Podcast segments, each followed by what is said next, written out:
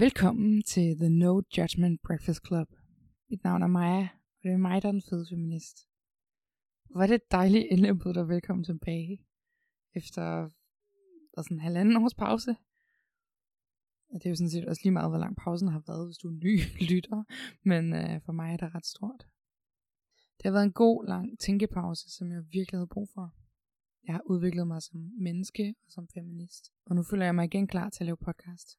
Mest fordi det er noget, jeg virkelig brænder for, og som jeg elsker at lave. Så jeg håber selvfølgelig, at du vil være med. Podcasten får lige en omgang ny maling, så at sige. Jeg føler, at jeg fik lavet sådan mange fodfejl, og jeg håber, at jeg kan formå at rette op på dem fremover. Ellers så må du lige bære over med mig. Man lærer jo hele livet. I samme omgang har jeg besluttet, at podcasten vil blive udgivet, når der er noget at udgive. Lige nu er jeg i hvert fald ikke et sted, hvor jeg er klar til sådan at love en ugenlig udgivelse. Så tryk follow eller abonner, eller hvad det nu hedder på din respektive udbyder, og så bliver du notificeret, når der kommer et nyt afsnit op. Alternativt så kan du følge mig på Instagram under navnet En Fed Feminist i et ord. Ja, eller det synes jeg faktisk, du skal overveje at gøre alligevel. Nogle af de faste segmenter, som tidligere har været i podcasten, har jeg valgt at skrotte, men podcasten er stadig den samme sådan at its core. Det er vidensdeling, både gennem samtaler, men også for eksempel det historiske segment, som jeg har valgt at holde fast i. Læg lige mærke til, hvor sådan utrolig flydende overgang der er til, at jeg nu vil gå i gang med at fortælle dig om spiseforstyrrelser fra et historisk perspektiv. Og i samme omgang, så bringer jeg selvfølgelig den her trigger warning, eller sådan content warning. Jeg nævner både anoreksi, bulimi, og derunder nævner jeg opkast. Og så snakker jeg en del om BED, og sådan spiseforstyrrelser generelt. Jeg nævner frygt for at blive tyk, og sådan generelt tykfobisk opførsel, det må man jo så sige, at spiseforstyrrelse er. Så hvis du ikke lige er i et mentalt space, hvor du skal høre om det i dag, så er det altså nu, du skal stoppe afsnittet. Og så håber jeg, at vi høres ved en anden dag. Lad os dykke ned i det. Det kan ikke overraske, at vi har kendt til spiseforstyrrelser i mange år. Men måske det overrasker, hvor mange år.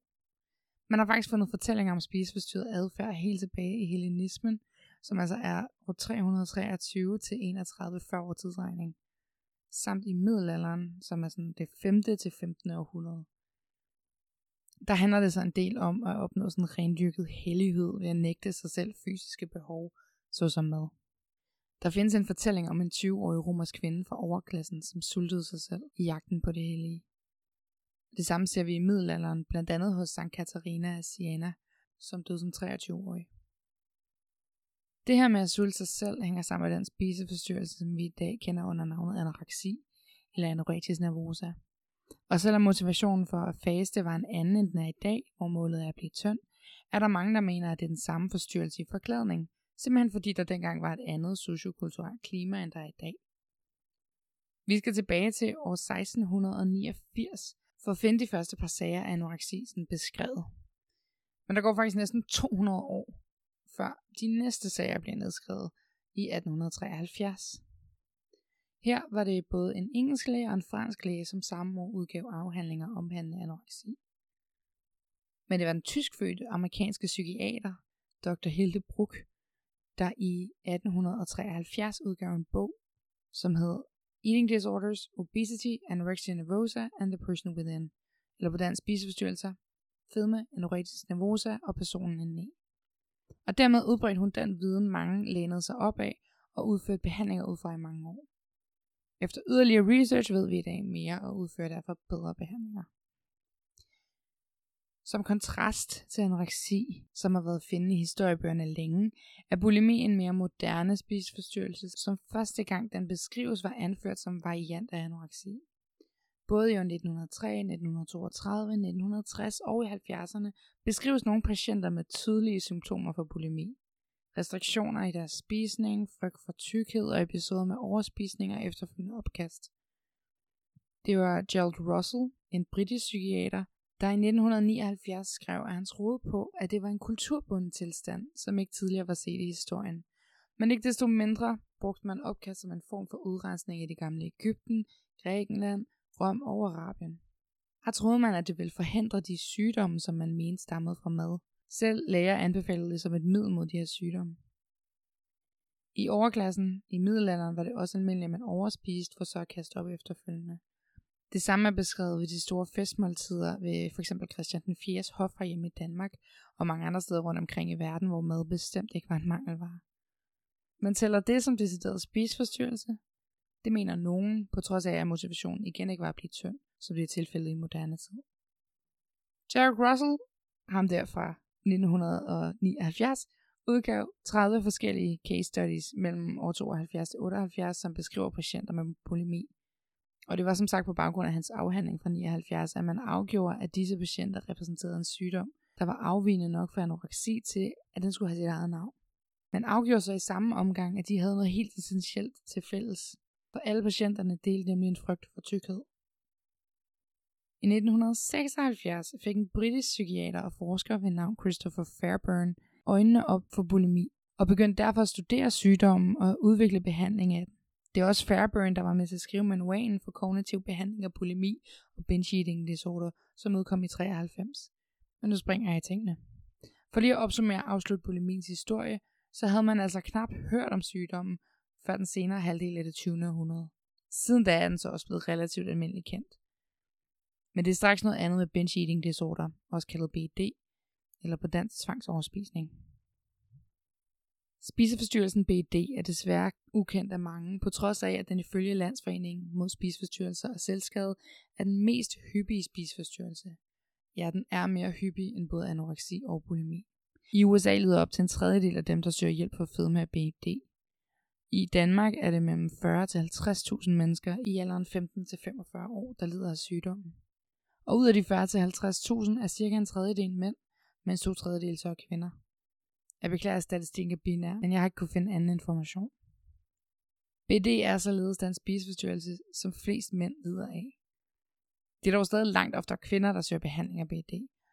Og så kan vi jo begynde at snakke om, hvordan vi lever i et samfund, hvor det ses som et svaghedstegn, hvis en mand søger lægehjælp, for ikke at tale om psykisk lægehjælp. Men det er en helt anden snak.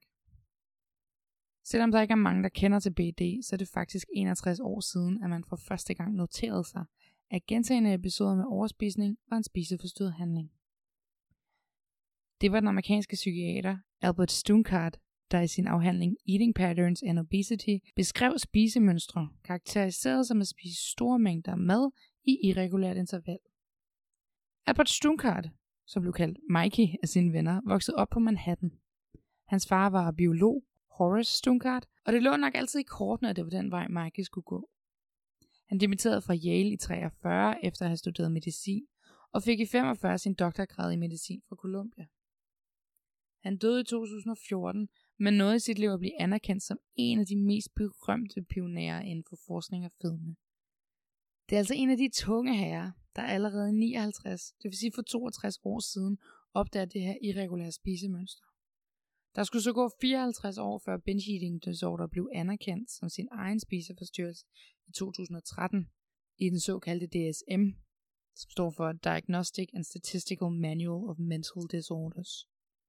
Og det var først i 1987, altså hele 28 år efter Stunkarts afhandling udkom, at BD overhovedet stod nævnt i DSM'en. På det tidspunkt stod den som en underkategori til bulimi, ligesom bulimi var startet som en underkategori til anoreksi.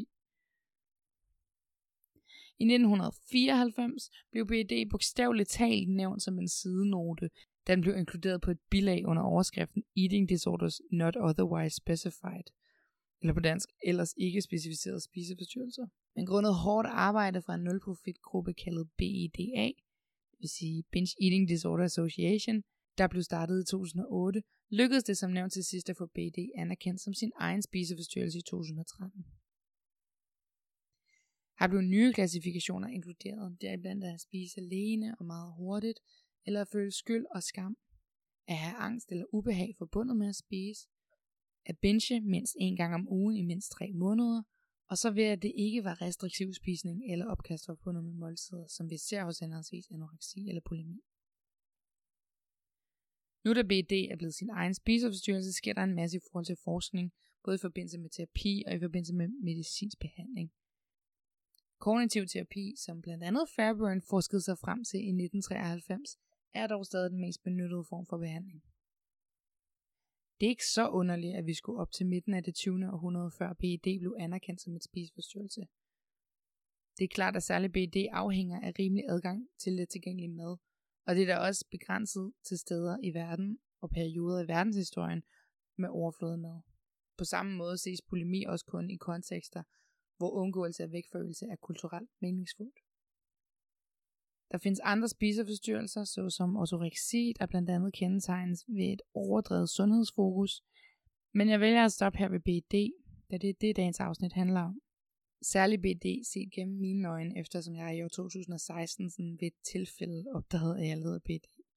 Men mere om det om lidt.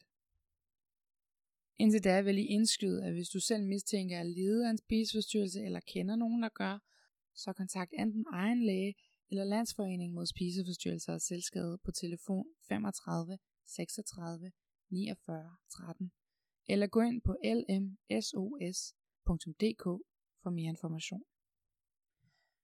Og lad os så komme i gang med den meget vigtige og spændende samtale, jeg havde med min kæreste Mark. Selvom vi i talende stund har været sammen i lidt over et år, så har vi ikke sådan rigtig snakket om en BD.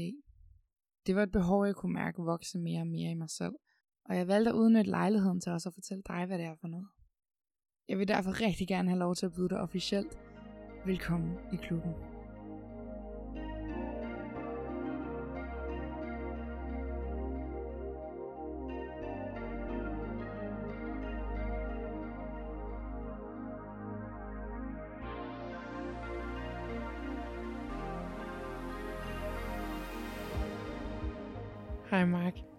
Hej Maja. det føles lidt mærkeligt at sige dit navn. Ja, vi plejer ikke at bruge vores navn på den Nej. måde. Så hedder du så meget andet. Ja. Nå. Hvordan har du det? Lidt nervøs. det er første gang, jeg prøver det her. Men øh, det er sjovt, tror jeg. Tror du? Jeg håber jeg. Vi sidder herinde i øh, vores hule og prøver at gøre det så godt for lyden som muligt, men altså nu må vi se. Det er jo lang tid siden, jeg har optaget. Here we are. I det kommende lydstudie måske. Det være fedt. Nå, jamen, vi skal snakke lidt om, eller jeg skal snakke rigtig meget, føler jeg, i dag. Øhm, ja, jeg, jeg, jeg er mest for, du ved, have en og spille bold op af, kan jeg forstå. Ej, jeg har fået stillet nogle gode spørgsmål. ja. Øh, og lige sådan være med til det her introduktionsafsnit, som det vel egentlig er efterhånden. ja, det skulle lige før. Sådan lidt om, om mig og min historie. Og jeg har egentlig lavet lidt af det her afsnit før, men jeg havde lyst til at lave det igen, og jeg havde lyst til at gøre det bedre, og jeg havde lyst til at sige en hel masse flere ting, end jeg gjorde sidst. Og ja, så det andet afsnit er røget langt væk, og så prøver vi igen. og ser, om jeg bliver tilfreds. Det er jo min evige forbandelse, jeg aldrig er tilfreds med noget, jeg laver stort set. Perfektionistens forbandelse. Ja, helt standard.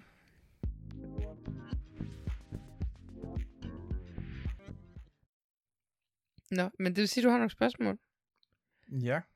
Nu, øh, Det kan også være, at vi lige skal starte med sådan, lige at introducere, hvad du er for en. Nu, nu har jeg sagt i introen, at du er min kæreste, men øh, er du feminist? Ja, det vil jeg beskrive mig selv som. Øh, I hvert fald på vej ind i at blive det. Mere og mere oplyst hver dag, der går. Ja. Øhm, For, mig er det ikke et spørgsmål om, hvor oplyst man er. For mig er det et værdisæt. ja, jeg, jeg føler ret ofte, at mine værdier sådan stemmer overens med det. Når jeg lærer noget nyt om feminisme, så ofte tænker jeg, jamen, sådan har jeg det allerede jo. Mm. For det meste er det et spørgsmål om at lære de sådan, termer og begreber, der går ind i det, og, og sådan udvide sin horisont. Ja. Og lære nogle, nogle mennesker, grupper at kende, som man ikke vidste eksisterede måske. Få øje på sine privile- privilegier. Ja, præcis. Men det, det tror jeg da kun er sundt. Helt sikkert, helt sikkert. Ja, men øh, det, er jo, det er jo en meget god start, kan man sige, når du nu er med i en feministisk podcast. Vil du fortælle noget andet? Jamen, jeg kan fortælle bare lige sådan, du ved, de korte facts om mig selv. Ja, kom med dem. Jamen, jeg er softwareudvikler, og jeg er nørd. Med stort N, vil jeg nok kalde det. det er også, det er okay. Og så, øh, så er jeg Majas kæreste. Jeg ved ikke, hvor meget mere der er at sige. Jeg er træt af at arbejde hjemmefra snart. Det tror jeg, vi alle sammen er. Det er, jo, det er jo også en underlig ting, når man har haft en podcast under corona, men bare ikke har lagt noget ud, fordi det har været så åbenlyst, at man skulle snakke om det. Og man har bare sådan, jeg har haft mange tanker, men jeg har ikke haft noget sted at placere dem, fordi at det var også mærkeligt bare at lave sådan et alting socks afsnit med det, det hele. Men, men har kæft et underligt sådan, ja, det, det synes alle jo, så det er også kedeligt at snakke om, men, men fuck, det er mærkeligt. Ja, det er en altså, super underligt sådan, verdenssituation, vi har havnet i. Mm. Øh, og alligevel så føler vi klart meget godt herhjemme. Men Jamen, så, det, det er også... Altså, nu snakker vi lige privilegier, ikke? Altså, Danmark er jo faktisk super privilegeret i forhold til corona. Altså, vi har... Langt de fleste af os har mulighed for at arbejde hjemmefra. Øh, og dem, der ikke gør, de har de her essentielle jobs. Og, og ellers så sådan kører det, har jeg indtryk af. ja, vi har, vi har rimelig gode tal, og Ja. synes jeg i hvert fald en regering, der har været sådan rimelig fornuftig omkring det. Nå, det var, det var heller ikke for at snakke om corona. Men øh, nu, har, nu har podcasten mødt dig. Ja. Så lige kort, kort. Så du havde et spørgsmål? Ja, jeg har et par spørgsmål. Øhm, måske bare sådan lidt introduktionsspørgsmål. Sådan, jeg kender jo godt mig, og sådan okay efterhånden, vil jeg mene. men, øh, men det kan være, der er en del af jer derude, som ikke kender hende så godt. Hvad er det, der sådan motiverer dig til at gøre alt det her? Altså, hvorfor, hvorfor er, er du den fede feminist her på podcasten og på Instagram? Og, og hvor- hvorfor, hvorfor er det, du skal have det ud på den måde? Hvad, hvad, er, hvad er drivkraften? Det her, jeg gerne vil have sådan et øh, rigtig godt svar. Men i virkeligheden, så er drivkraften jo... Øhm, jeg har enormt meget skabertrang, og jeg føler, at det her er så vigtigt. Jeg vil også gerne skabe en platform, hvor der er plads til, at andre kan dele deres historie. Øhm, vi ser hele tiden øh, samme kropsform. Vi ser hele tiden hvide mennesker. Vi ser hele tiden øh, der er utrolig mange hvide mænd i medierne. øhm, og, og hvis man kun så fjernsyn og troede, at det var sådan, verden hang sammen, så tror jeg, man ville blive skuffet.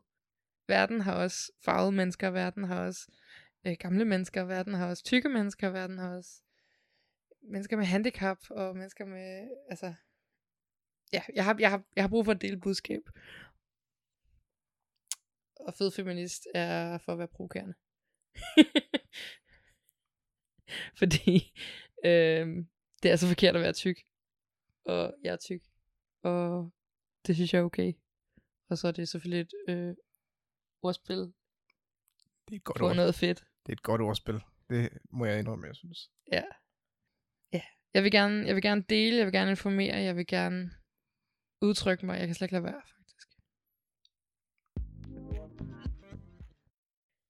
Nå. Vi er jo egentlig for at snakke om, om min spiseforstyrrelse. Ja, det, det vil jeg rigtig gerne høre mere om. Som du også nævner i introen, så er det jo noget, som jeg ved, du har slås med i mange år. Øh, og noget, som fylder en masse hos dig. Mm. Men det er ikke noget, som vi faktisk har sådan virkelig taget en lang, dyb snak om på den måde. Altså, jeg føler, jeg har hjulpet dig så meget jeg kan, selvfølgelig. Ja, helt sikkert. Og jeg, jeg føler også, du har sådan en, en overordnet forståelse for, hvor- hvordan det, det påvirker mig i dag, men jeg tror sådan, det jeg har behov for i virkeligheden er, at du også forstår, hvad jeg kommer fra, og hvad det har været og sådan noget. Øhm, Ja, men måske du kunne uddybe det lidt så. Hvornår startede det, og, og hva- hva- hvordan er det, det, det påvirker dig specielt? ja, sådan helt overordnet kan man sige, at jeg i november 2016, der sad jeg, jeg var alene hjemme. Øh, jeg boede sammen med min daværende kæreste på det tidspunkt, og han var ude den dag. Øh, eller så var han bare på arbejde, eller, eller jeg kan ikke huske det. I hvert fald så var jeg alene hjemme. Og jeg har været nede, det er sådan en meget typisk dag. Jeg har været nede og købe en masse junk, øh, og chokolade, og der er en is i fryseren, og ja, og når jeg siger sådan chokolade, så mener jeg jo en plade med bue, og der var sikkert nogle kinder involveret, og det var sådan mere end man ville købe normalt, det er i hvert fald helt sikkert. Øhm, jeg sidder, jeg kan huske det meget tydeligt, jeg sidder ligesom omringet af det her, og så sidder jeg med min computer på skødet, fordi at jeg skal se en dokumentar om vægttab. Fordi det var jeg meget optaget af. Mange, altså stort set alle mine tanker gik på mad og på, øhm, ja, på vægttab eller træning, eller altså mest at jeg ikke fik trænet, at, at intet jeg gjorde var nok. Øhm, så, så tit så var det noget med at se vægttabsdokumentar for ligesom sådan at få fif til, hvordan man kunne gøre, eller sådan noget, den stil. Og så sidder jeg her omringet af det der, og ser den her dokumentar, og så pludselig så dukker der øh, et klip op. Det er ikke så langt, det tager sådan maks 5 minutter eller sådan noget. Måske 10. Så dukker et klip op af den her øhm, unge pige, som fortæller, at hun kæmper med det her med vægttab, og det er ikke så lige til for alle, og sådan noget. Fordi hun har den spiseforstyrrelse, der hedder BED, eller Binge Eating Disorder. Og så fortæller hun ligesom, hvad det går ud på, hvilke symptomer der er, hvordan hun har sådan nogle episoder, hvor hun overspiser helt vildt, og så får hun det helt vildt dårligt med sig selv bagefter. Fordi det eneste, hun vil, det er egentlig at tabe sig, og øh, at hun køber store portioner ind, og ikke kan styre det, og ikke kan stoppe igen, og det, det føles som kontroltab, og det er så svært og sådan noget, men, men hun kan bare ikke lade være. Øh, og så sidder jeg omringet af det her med, og tænker, det var lige godt satans. det lyder som en, en, en skræmmende situation, faktisk. Ja, det var lidt ubehageligt. Og jeg bliver, jeg bliver sådan helt optaget af det her. Altså sådan, du ved, nogle gange så, så er der noget, der bare kører i baggrunden, og man hører ikke rigtig efter. Men jeg var bare sådan fuldstændig optaget af, ja. af det her segment. Det forstår jeg godt. Og så, så pauser jeg det. Jeg tror ikke engang, jeg ser afsnittet færdigt. Jeg tror bare, jeg finder starten af det klip, fordi jeg gerne vil vise det til min kæreste, når han kommer hjem. Og så, øh, så går jeg på nettet, og så søger jeg. Og så kommer der sådan en, en lidt længere liste af kriterier for, hvad det vil sige at have den her spiseforstyrrelse. Og jeg sad bare og læste om mig selv. Altså det var fuldstændig som om, der var nogen, der havde overvåget mig og havde skrevet ned, hvad jeg havde gjort. det, det, var sådan, det var meget freaky. Og det er også derfor, når du siger sådan, hvad, hvordan BD'en var specielt for mig. Jeg tror nemlig overhovedet ikke, at BD er specielt for mig. Jeg tror, jeg sådan fuldstændig typisk eksempel på, hvad BD er. Sådan en textbox eksempel. Ja, fuldstændig. Øhm. Men hvad, hvad var det, der var på den liste? Kan du huske det? Ja, altså jeg har faktisk fundet den. Øhm, så der står her, at man skal have øh, gentagende episoder af binge eating. Og en episode er så karakteriseret ved, at begge af følgende er til stede. Jeg sidder sådan lige og oversætter fra engelsk samtidig, så det kan godt være, det lyder sådan lidt. Men at man øhm, spiser i sådan en øh, pe- kort periode af tid. Altså, de siger oftest, eller for eksempel to timer. Så spiser man øh, an amount of food that is definitely larger than what most people would eat in a similar period of time under similar circumstances. Og a sense of lack of control over eating during the episode. For eksempel en følelse af, at man ikke kan stoppe med at spise, eller at man ikke har kontrol over, hvad og hvor meget man spiser. Så det skal være til stede. Og så står der en binge eating episode er så associeret med tre eller flere af følgende. Man spiser meget hurtigere end normalt. Man spiser indtil man er ubehageligt mæt. Man spiser store mængder mad, øh, uden at man føler sådan fysisk, uden at man føler sig fysisk sulten. Man spiser, når man er alene, og man har det sådan man, man føler sig pinlig over, hvor meget man har spist. Man føler sig ulækker, øh, deprimeret og meget sådan skyldig. Man har sådan en følelse af ubehag øh, i forhold til sin spisning. Øh, de her episoder. Øh, de sker, det er også et kriterie, at de sker gennemsnitligt mindst en gang om ugen i tre måneder, mindst. Og at det ikke har noget at gøre med øhm, at man for eksempel kaster op, som man gør ved bulimi. Øhm, så, altså de adskiller, at, at det ikke er bulimisk eller anoretisk. Jeg kan måske lige sige, at bulimi vil være overspisningsepisoder, hvor man så kaster det op bagefter. Så her er det sådan overspisningsepisoder, hvor man ikke kaster op. I stedet så får man det bare rigtig, rigtig dårligt med sig selv. Øhm, jeg kan huske, at jeg sad og læste alt det her, og bare sådan kunne hakke det hele af. Altså det var ikke sådan to eller mere af det her, det var bare sådan det hele. Jeg havde det, altså, rimelig skidt. Og det var noget, altså sådan en gang om ugen i tre måneder, lol, det skal hver dag, hvis ikke flere gange om dagen. Øhm, og når det gør det, så krydser man over og bliver det, der hedder ekstremt spiseforstået øh, med benchining. Der er ligesom sådan nogle niveauer af det, ikke? Så jeg havde det rigtig, rigtig skidt. Ja, og så kom min, min daværende kæreste hjem, og jeg viste ham det her, og så var han sådan, det lød bekendt, kan jeg huske, han sagde. Og så tror jeg, hvis ikke dagen efter, så i hvert fald et par dage efter, så kontaktede jeg min læge. Hvilket jeg egentlig er lidt stolt over. Ja, det, det var da egentlig flot. Normalt tænker jeg, at man har svært ved at handle på sådan noget. Jamen, det er jo også en slag i hovedet, ikke? Altså, det, det er sådan... Men, men for mig var det, var det faktisk rigtig rart, fordi det var sådan en forklaring.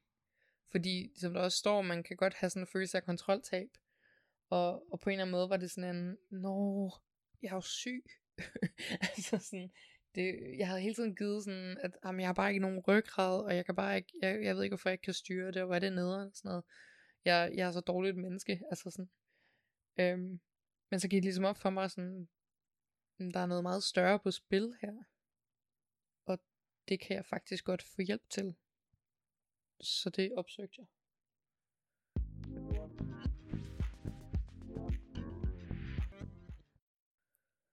Så du tog til læge, og så blev du været stillet videre til noget psykolog?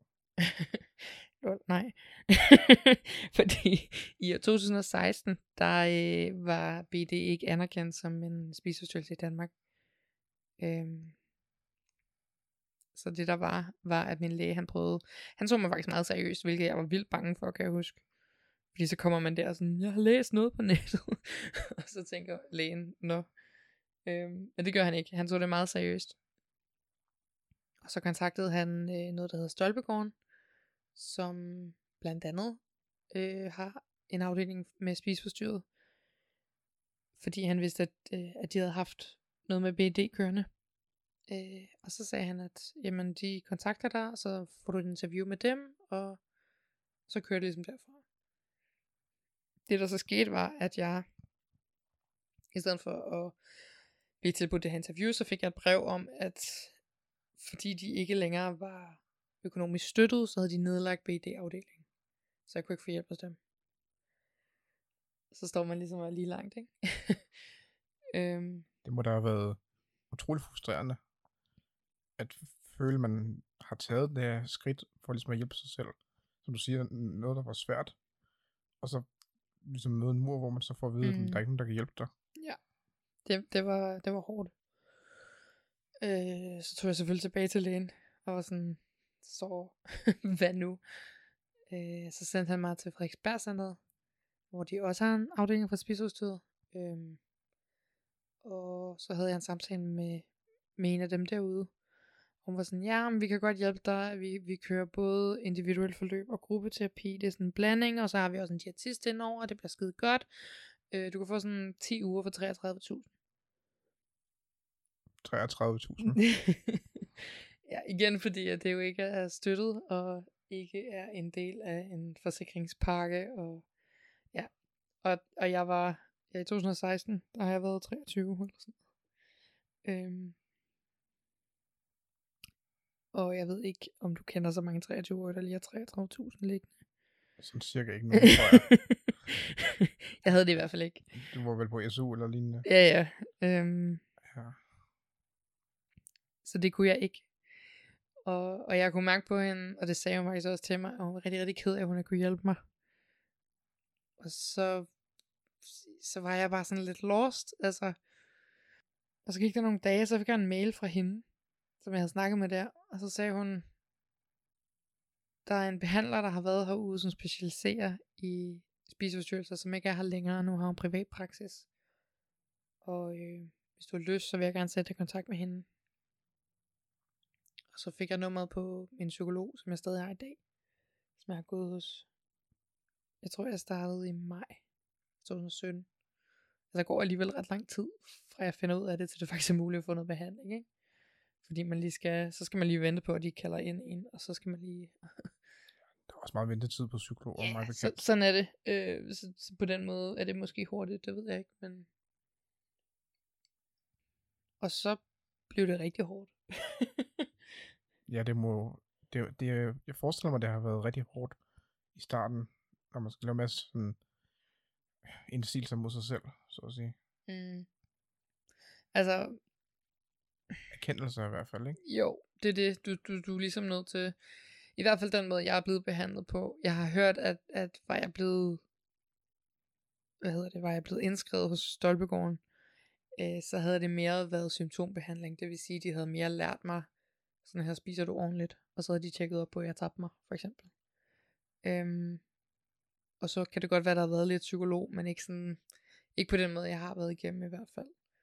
Øh, hvor det, som min, min nuværende psykolog har gjort, det er, at hun har taget en snak med mig om alle de ting, der ligger bag. Hvad, hvad, hvad er jeg for en, og hvad er det for et liv, jeg har haft, og hvad, hvad har jeg brugt mad til, og hvorfor, hvorfor har det hjulpet mig? Fordi det har det. Det var, det, det var en ting, som jeg kan huske, jeg sådan skulle... Øh, det var sådan en erkendelse, jeg var nødt til at komme til, at jamen, det har hjulpet mig. Der var en gang, hvor at, at det var det, der gjorde, at jeg kunne komme igennem. Eller sådan. Og, og det betyder jo ikke, at det er godt for mig nu. Det betyder, at, at da jeg var barn og havde det rigtig svært, der var det godt, at det var der, men, men nu skal jeg ikke bruge det længere. Eller sådan, det er det der med, ligesom, det føles som at sige farvel til en ven på en eller anden måde. Hvilket er sådan lidt mærkeligt, kan jeg godt høre, men, men det for mig, jeg finder ud af det her som 23 år, og jeg har måske haft det sådan, hvis jeg er sød ved mig selv, så siger jeg fra jeg var 12, måske har jeg endda haft det tidligere. Og det er alligevel mange år, hvor det her har været en del af min hverdag, og min måde at reagere på, min måde at håndtere ting. Og nu skal jeg pludselig til at opføre mig anderledes. og det tror jeg da stadig, jeg vil lære. Altså. Ja, når det er noget, der har været en del af ens liv i, ja, det meste af ens liv, Ja. så er det jo, så er det jo en adfærd, som man ikke bare lige lægger fra sig. Og det ligger jo dybt i ens, ens I ens handlemønstre og sådan ja, noget. præcis. Øhm, Men, men allerede fra et tidligt teenageår, siger du? Ja, altså jeg, øh, jeg husker, for mig er det jo startet i forbindelse med, at jeg blev mobbet meget, og det er startet, ja, i 6. klasse eller sådan noget, så der er man vel 12 år gammel. Jeg har haft det dårligt inden da, men det var især det omkring, at jeg begyndte at, at spise meget, og sådan ty til mad for at få det bedre. Der kaldte jeg det at trøstespise. Nu ved jeg ligesom, at det var et forsvar, ikke? Så det har også hjulpet mig meget at se det som en afhængighed. Altså, ligesom nogen bliver afhængig af alkohol, og nogen bliver afhængig af stoffer, og nogen bliver afhængig af Sp- Spil eller... Spil, ja, hvad man nu kan blive afhængig af. øhm, og, og det hele handler ligesom om at, at drukne de følelser, der gør ondt. Og det er præcis det samme, der sker. Det her er bare en madafhængighed. Ja, altså på, på den måde har jeg mere kunne overføre det til virkelighed. Hvis det giver mening. Det føles, det føles meget abstrakt at snakke om, men Jamen, det, det tror jeg forstår. det, det har også været en måde at forklare mennesker på, hvad det egentlig var. Hvis jeg sådan kan forklare det som en madafhængighed. Folk har alligevel en bedre forståelse af, hvad en afhængighed vil sige. Der er mange, der har sådan en referenceramme for, hvad betyder det at være afhængig af noget. Og hvis, hvis jeg først begynder at beskrive en spiseforstyrrelse, eller i hvert fald BD som madafhængighed, så er der mange, der sådan er med på, Nå, okay, så det er ude af din kontrol. Ja, det er 100% det der. Men hvordan har det så været at vokse op med det? Nu siger du, at du først indså, hvad det var senere i livet jo. Mm. Men, men det må have påvirket dig altid i så fald. Mm. Jamen, det har det også. Øhm, men en del af det at være spiseforstyrret er jo også... Øh, Altså, og det, det tror jeg gælder for alle spiseforstyrrelser. I bund og grund handler det om, at man ikke er okay med, hvordan man ser ud og hvordan man er. Og man gerne vil ændre det. Så altså, om, om det betyder, at du sulter dig selv, eller om det betyder, at, at du overspiser for at kaste op, eller om det betyder øh, ekstrem sundhedsopsættelse, eller hvad det nu er, så, så handler det hele i bund og grund jo om, at man gerne vil ændre, hvordan man ser ud. Og sådan har jeg altid haft det. Altså, lige, lige så snart jeg er blevet opmærksom på min krop, og at nogen opfattede mig på en måde, så har jeg haft lyst til at ændre den måde, de opfattede mig på. Øhm, så jeg har altid haft lyst til at tabe mig. Og jeg har altid været super kritisk på mig selv over, at det ikke lykkes. Og selvfølgelig gjorde det ikke det, fordi jeg overspiste hver dag. Så altså, der... ja, det, det er klart. Det, det, er, det er nok en op, en op, op bakke kamp, hvis man... det, det, det er lidt hårdt. Altså ofte vil jeg så sige, øhm, især med BD, der, der har man det, som folk så flot kalder en jojo-vægt. Det vil sige, der, der kan være perioder, hvor man sådan super meget går ind i træning, og nu spiser man helt ordentligt, og nu skal det være, og nu taber jeg mig for, for real, og sådan noget, ikke? Og så taber man sig lidt, og så knækker det, fordi at der er noget i verden, eller noget i sig selv, man ikke kan håndtere der i forsvaret. Og så er vi tilbage, og så overspiser man endnu mere, fordi, fordi man ikke har fået lov at overspise i par måneder, eller hvad det nu kan være, ikke? Øhm, ja, det er klart, man får et helt reelt tilbagefald, jo. Ja, ja. Det, det er jo fuldstændig ligesom ja, alkoholafhængig, der kommer til at blive fuld igen, eller hvad det skal være, ikke? Øh. Men den her sådan, som du beskriver det, fra 0 til 100. Ja. Nej, det har du hørt mig snakke Ja, det, det... 0 til 100 tanken. ja. Ja. Det, det var også en stor ting i, i forbindelse med min, øh, min terapi. Øh, det, det er helt klassisk spiseforstyrrelse, at vi gør ikke noget halvt. Enten så gør vi det slet ikke, eller også gør vi det 1000 procent. øhm, så, så det er ikke sådan noget med, nu, nu begynder jeg at træne lidt. Nu, det er sådan, nu træner jeg hver dag i mange timer, og øh, jeg spiser absolut ikke noget sukker, og jeg, altså sådan, det det hele, eller også så er det ikke noget. øhm, og, og det har vi både i, i spisemønstre, men man har det også i alle mulige andre reaktionsmønstre i sit liv. Altså, man elsker ikke lidt. man elsker 100. Eller, eller hvad det nu kan være. På samme måde, så, så bliver man ikke lidt sur. Man bliver rasende. Altså, øh, på den måde kan man overføre det. Og det har været en, en stor del af min terapi, at jeg skulle lære at finde et form for mellemstadie. Om det var 50, om det var 70 eller 20, eller hvad det kan være. Men i hvert fald noget i midten. øhm. Ja, altså, så man lærer, at noget er også okay. Ja. Det behøver ikke være det hele. Nej. Og så kan det godt være, at øh, ikke træner hver dag, men så kommer jeg ned og svømmer en gang om ugen, ikke? Mm. Altså, sådan, det, det har været en stor øvelse.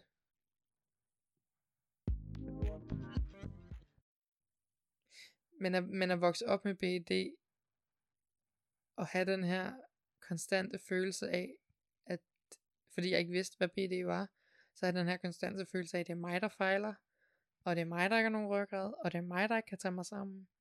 Og hvorfor kan jeg ikke bare lade være? Og altså sådan, kæft et dårligt selvbillede, man har, når man skuffer sig selv hele tiden. Ja, det, hele, det hele kommer til at føles som din egen karakterbrist. Ja, ja. Altså, og, og det er min skyld, og det er mit nederlag, og, og alle andre kan se det. Men er også meget optaget af, hvordan andre tænker om en, ikke? Øhm, ja. Alle andre kan se, at, at jeg har fejlet igen. Og nu har jeg endda sagt til alle, nej, nu skal det være, og prøv at se, jeg har startet på den her kur, og øhm, prøv at se, jeg har været på det her vægttabsophold øh, i Jylland, og prøv at se, nu har jeg gjort sådan og sådan og sådan. Og, og så gik det bare ikke alligevel, og fuck, hvor er jeg nederen. Det, det er mig, der er noget galt med, ikke? Mm. Det er også noget, jeg føler, du har snakket om, i hvert fald til mig. Det der med, at, at man har en idé om, at alle andre er lige så opmærksomme på de her ting, som man selv er. Mm. Ja. Den her øh, klassiske eksempel kan være, at jeg havde en idé om, at alle kunne se, hvor meget jeg havde spist. Eller sådan, alle holdt øje med, hvor meget jeg puttede på min tallerken. Hvis jeg sad til en familiemiddag, eller var på buffet, eller et eller andet, ikke? Og, og alle kunne se, hvor meget jeg havde spist, og altid havde dømmet mig for, hvor meget jeg havde spist. Det kan også være, at folk, jeg kunne, jeg kunne eksempel ikke, det, det kæmper jeg stadig lidt med, men at øh, jeg hader at spise i, i toget, eller sådan et eller andet, fordi alle sidder og tænker, prøv at se hende der, den tykke, der sidder og spiser. Og folk har pisse travlt med sig selv, der er ikke nogen, der sidder og tænker det. altså, sådan, det, det, er der ikke nogen, der gør. Men, det er godt, at der er nogen, der gør det, men der er jo ikke nogen, altså, hvad så? Altså, ja, deres holdning betyder Det er jo lige meget. men, men for mig var det alt. Altså, sådan, hvordan jeg blev opfattet af verden. Og samtidig så har, det, det hører jeg i hvert fald er meget klassisk for en spiseforstyrret, at man har det her filter, som, som man hører og ser verden igennem. Øh, så det kunne for eksempel være,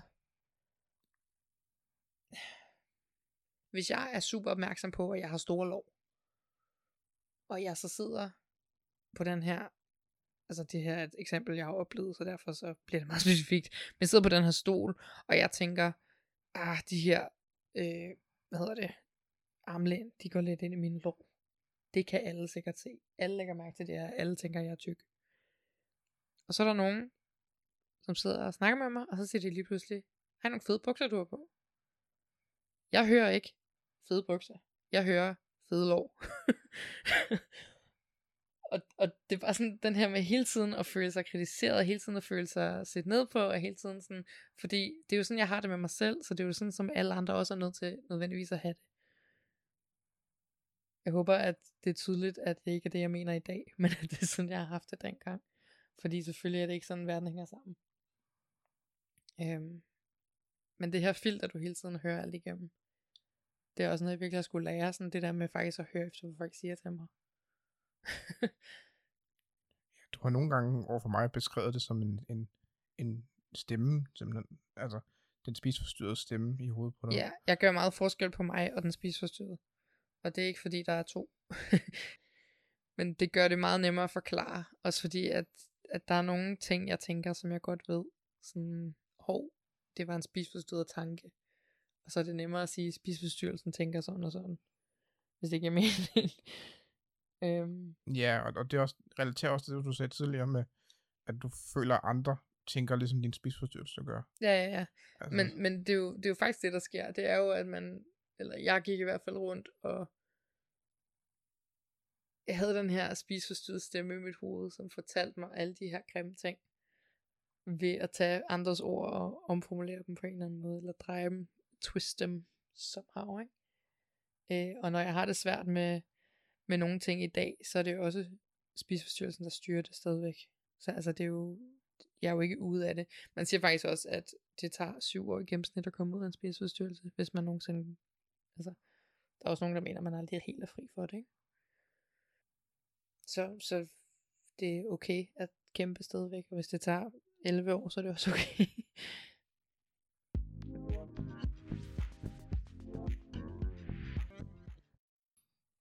Men når nu du har haft det sådan med, med den her spisforstyrrelse, at den, du siger, den, den omformer ordene, du hører. Mm. Det filtrerer i hvert fald det, du hører. Hvordan har det så været i forhold til at vokse op med din familie og dine nærmeste venner? Altså, det er jo også det, man sådan almindeligvis, vil man sige, stoler på 100%. Mm. Øhm. jeg har jo ikke haft så mange venner i min barndom. Det har jeg faktisk slet ikke haft. Jeg, jeg kom i gymnasiet, før jeg sådan rigtig fik venner. Hvilket i øvrigt ikke gjorde situationen bedre. Men, men, men lige, så, lige så meget som jeg tror alle mennesker kæmper lidt med deres familie en gang imellem. Lige så lidt synes jeg, at det er, jeg har ikke lyst til at give min familie skylden for at jeg spiser forstyrret overhovedet. Jeg tror bare, at der er nogle ting, som jeg har slået med, som jeg ikke nødvendigvis har lukket folk ind i på en måde, så de havde mulighed for at hjælpe mig tilstrækkeligt i hvert fald.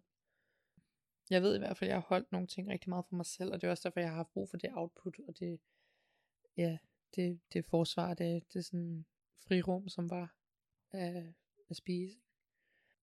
Så, så, så det har været enormt ensomt at vokse op, fordi jeg har holdt det meget for mig selv. Både, ja, både fordi jeg holdt det for mig selv, men også bare fordi, at der ikke var så mange. ja, ja, jeg var bare ret ensom barn. Så det har været svært, ikke? Øhm, men jeg giver absolut ikke min familie skylden for min spiseforstyrrelse. Det, det er slet ikke der, vi er. Men, men det er selvfølgelig noget, jeg har snakket meget om og bearbejdet med min, min psykolog. Altså, fordi selvfølgelig er du nødt til at gå tilbage til barndommen og finde ud af, hvad var det, der skete, og hvordan var det lige at være mig, da jeg var lille. Og der har været nogle ting, jeg også skulle give slip i. Men øh, jeg tror, det, det er til en anden dag. det er et helt emne i sig selv, ikke? Men hvis vi så skal spole lidt frem til i dag, yes. hvordan, hvordan føler du så, at din BD påvirker dig i dag? Og hvad slås du med? ja, hvad slås jeg med i dag, skat? Ja, altså jeg lægger i hvert fald mærke til, at du snakker om, at du gerne vil have i hvert fald tre faste måltider om dagen. Det er en, det er en udfordring. Det er sygt meget en udfordring. Det, det svinger også efter, hvor meget overskud jeg er i sådan mentalt, øh, hvor svært det er. Men ofte er det sygt meget en udfordring. Øh, og, det, og det kan være fordi, at det er super nemt at lave undskyldninger. Så det kan være sådan noget med, at jeg skal have noget yoghurt. Og så er der ikke nogen rene skeer. Så i stedet for lige at tage en ske og vaske den op, så kan jeg ikke få yoghurt. så det er sådan en, en spiseforstyrret måde at handle på. Altså det er der, hvor jeg synes, at den stadig får lov at styre, ikke? Og, og det er så også nogle af de der ting, hvor at du hjælper mig rigtig meget. Ligesom ved at sørge for, at der er altid taget en opvask, eller sådan, vaskemaskinen har kørt, så det er rent og sådan noget, ikke? Eller sådan noget med at sikre dig, at jamen, der er i hvert fald til, at man kan spise en frokost. sådan så det ikke også er et projekt, at jeg skal ned og handle ind til frokost, for eksempel. Det, det er sådan en ting, jeg synes er svært. Jeg synes også, det kan være svært at handle. Og lige for tiden redder corona mig rigtig meget, fordi det, det er dig, der handler. Det kan også være svært, og, og det er ikke bare sådan almindeligt svært at tage stilling til, hvad man har lyst til at spise. Det er bare sådan, det, det kan også være en ting. At du for eksempel spørger, hvad skal vi så have spist i løbet af ugen? Og så er sådan, det kan jeg slet ikke tage stilling til nu. Jeg kan slet ikke håndtere det. Hold op med at spørge, agtigt. mm. øhm. Det har jeg godt lagt mærke til. Ja. Jeg har også lagt mærke til, at du for eksempel har svært ved, hvis jeg... Vi laver sådan en madplan nu. Mm. Det er en ting, der hjælper mig meget. Øh, at ligesom have et overblik og vide, sådan, hvad, hvad ideen er. Altså sådan, hvad, hvad man skal spise den aften og sådan noget. Ja. Men jeg lægger også mærke til, at hvis jeg så er nødt til at bytte rundt på en dag, for eksempel i dag skulle vi have noget andet at spise, end vi havde planlagt.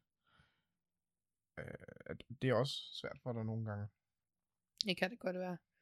Jeg synes, igen, det kommer an på, det gør det hele jo, det kommer an på, hvor meget overskud jeg er i, sådan generelt. Hvis jeg har en, en rigtig svær dag, øh, hvis jeg er super træt, eller hvis, du ved, whatever, jeg er presset på arbejdet, eller sådan et eller andet, så bliver det yderligere svært med spiseforstyrrelse.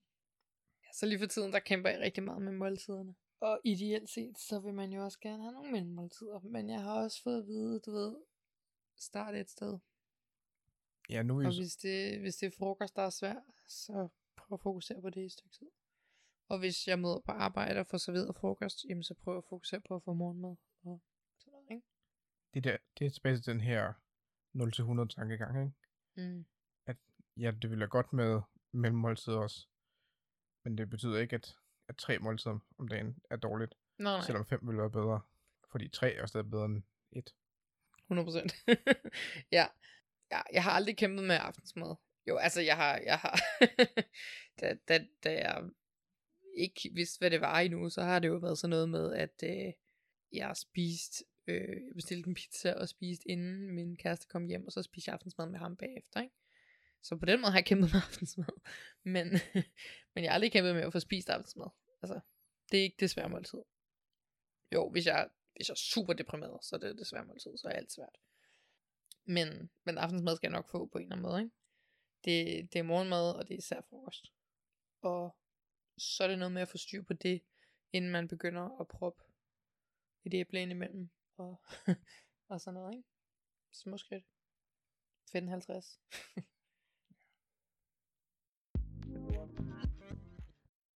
Men i forbindelse med det her med at vokse op med BED'en og haft den så længe, Mm. har du så lyst til at fortælle om, hvad sådan det værste, du har gjort med din BED har været? Eller på grund af din BED, har man det? Altså, det er svært at svare på, hvad det værste er. Fordi der har været meget. Noget af det, som altid rammer mig i forhold til det, det er, hvor meget den her spiseforstyrrelse har fået mig til at lyve for mine medmennesker. I forbindelse med mad, og i forbindelse med, hvad jeg har spist, og, og gå og spise i smug, og gå og gemme ting, og gå og, og ja, bare get, sådan generelt lyve. Hvordan, altså, hvordan for eksempel, hvis jeg var alene hjemme, da jeg boede hjemme, da jeg ikke var så gammel. Min mor, hun har sørget for, at hvis, altså, ja, hvis hun ikke var hjemme til aften, så hun sørget for, at der var rester, sådan, så jeg bare lige kunne varme det op. Så hun vidste, at jeg fik aftensmad.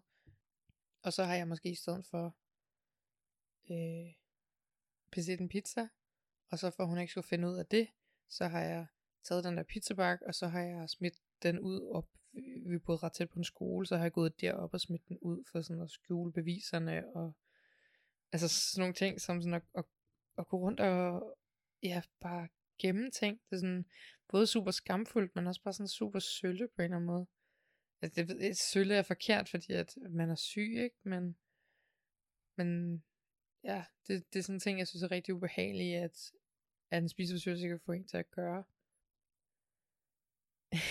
jeg kan også huske en ting, som altid. Fordi at, at jeg begyndte jo også at undre mig. Jeg synes jo også, det var mærkeligt, at jeg ikke kunne styre det, og, og hvorfor jeg ikke bare kunne lade være, og sådan noget.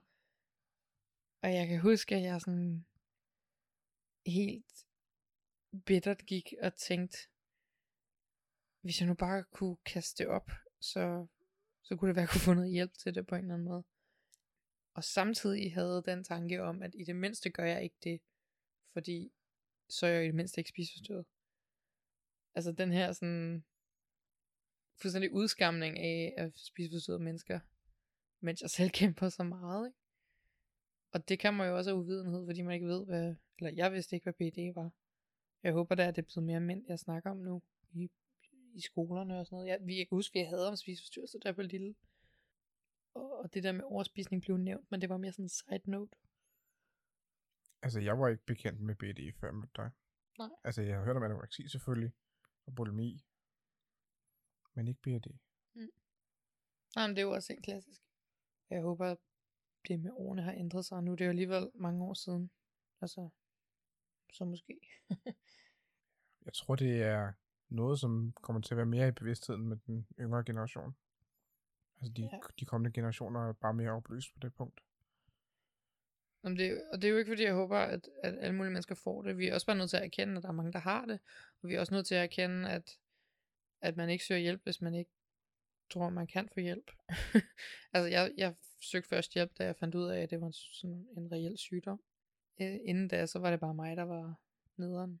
Altså, i mit hoved. Ikke? Så jeg tror bare, at, at dele viden er rigtig vigtigt. Men det er også derfor, vi sidder her, kan man sige.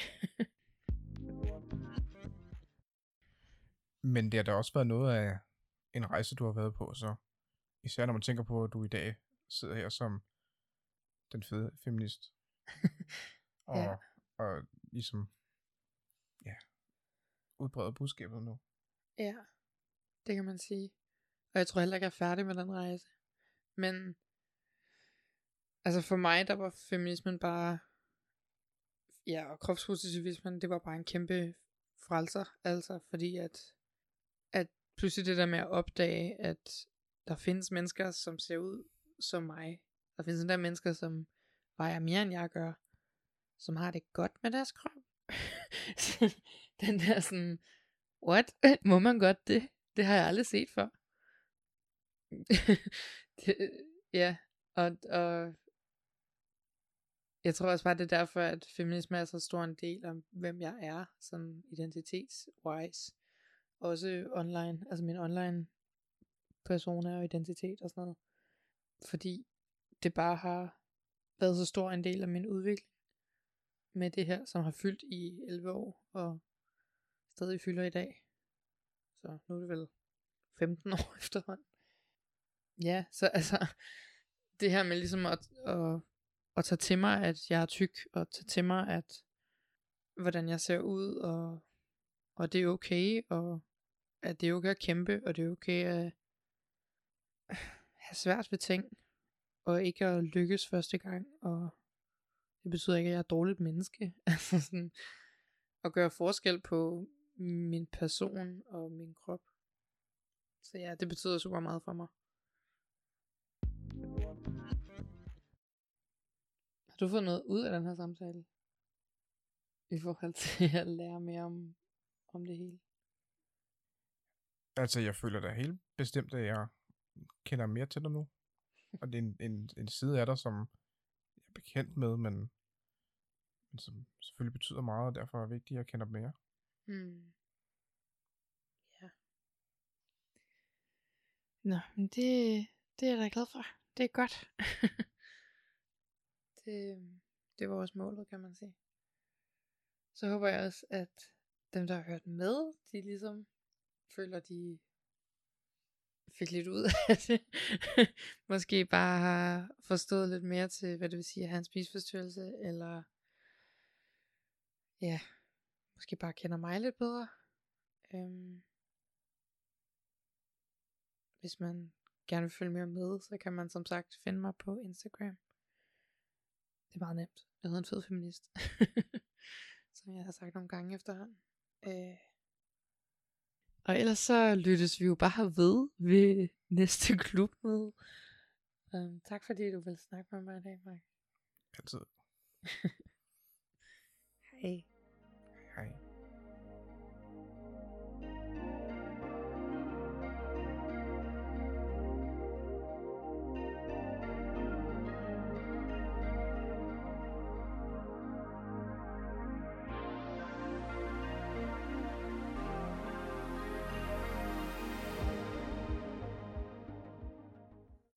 Fik du hår i munden? Jeg snublet over min tunge.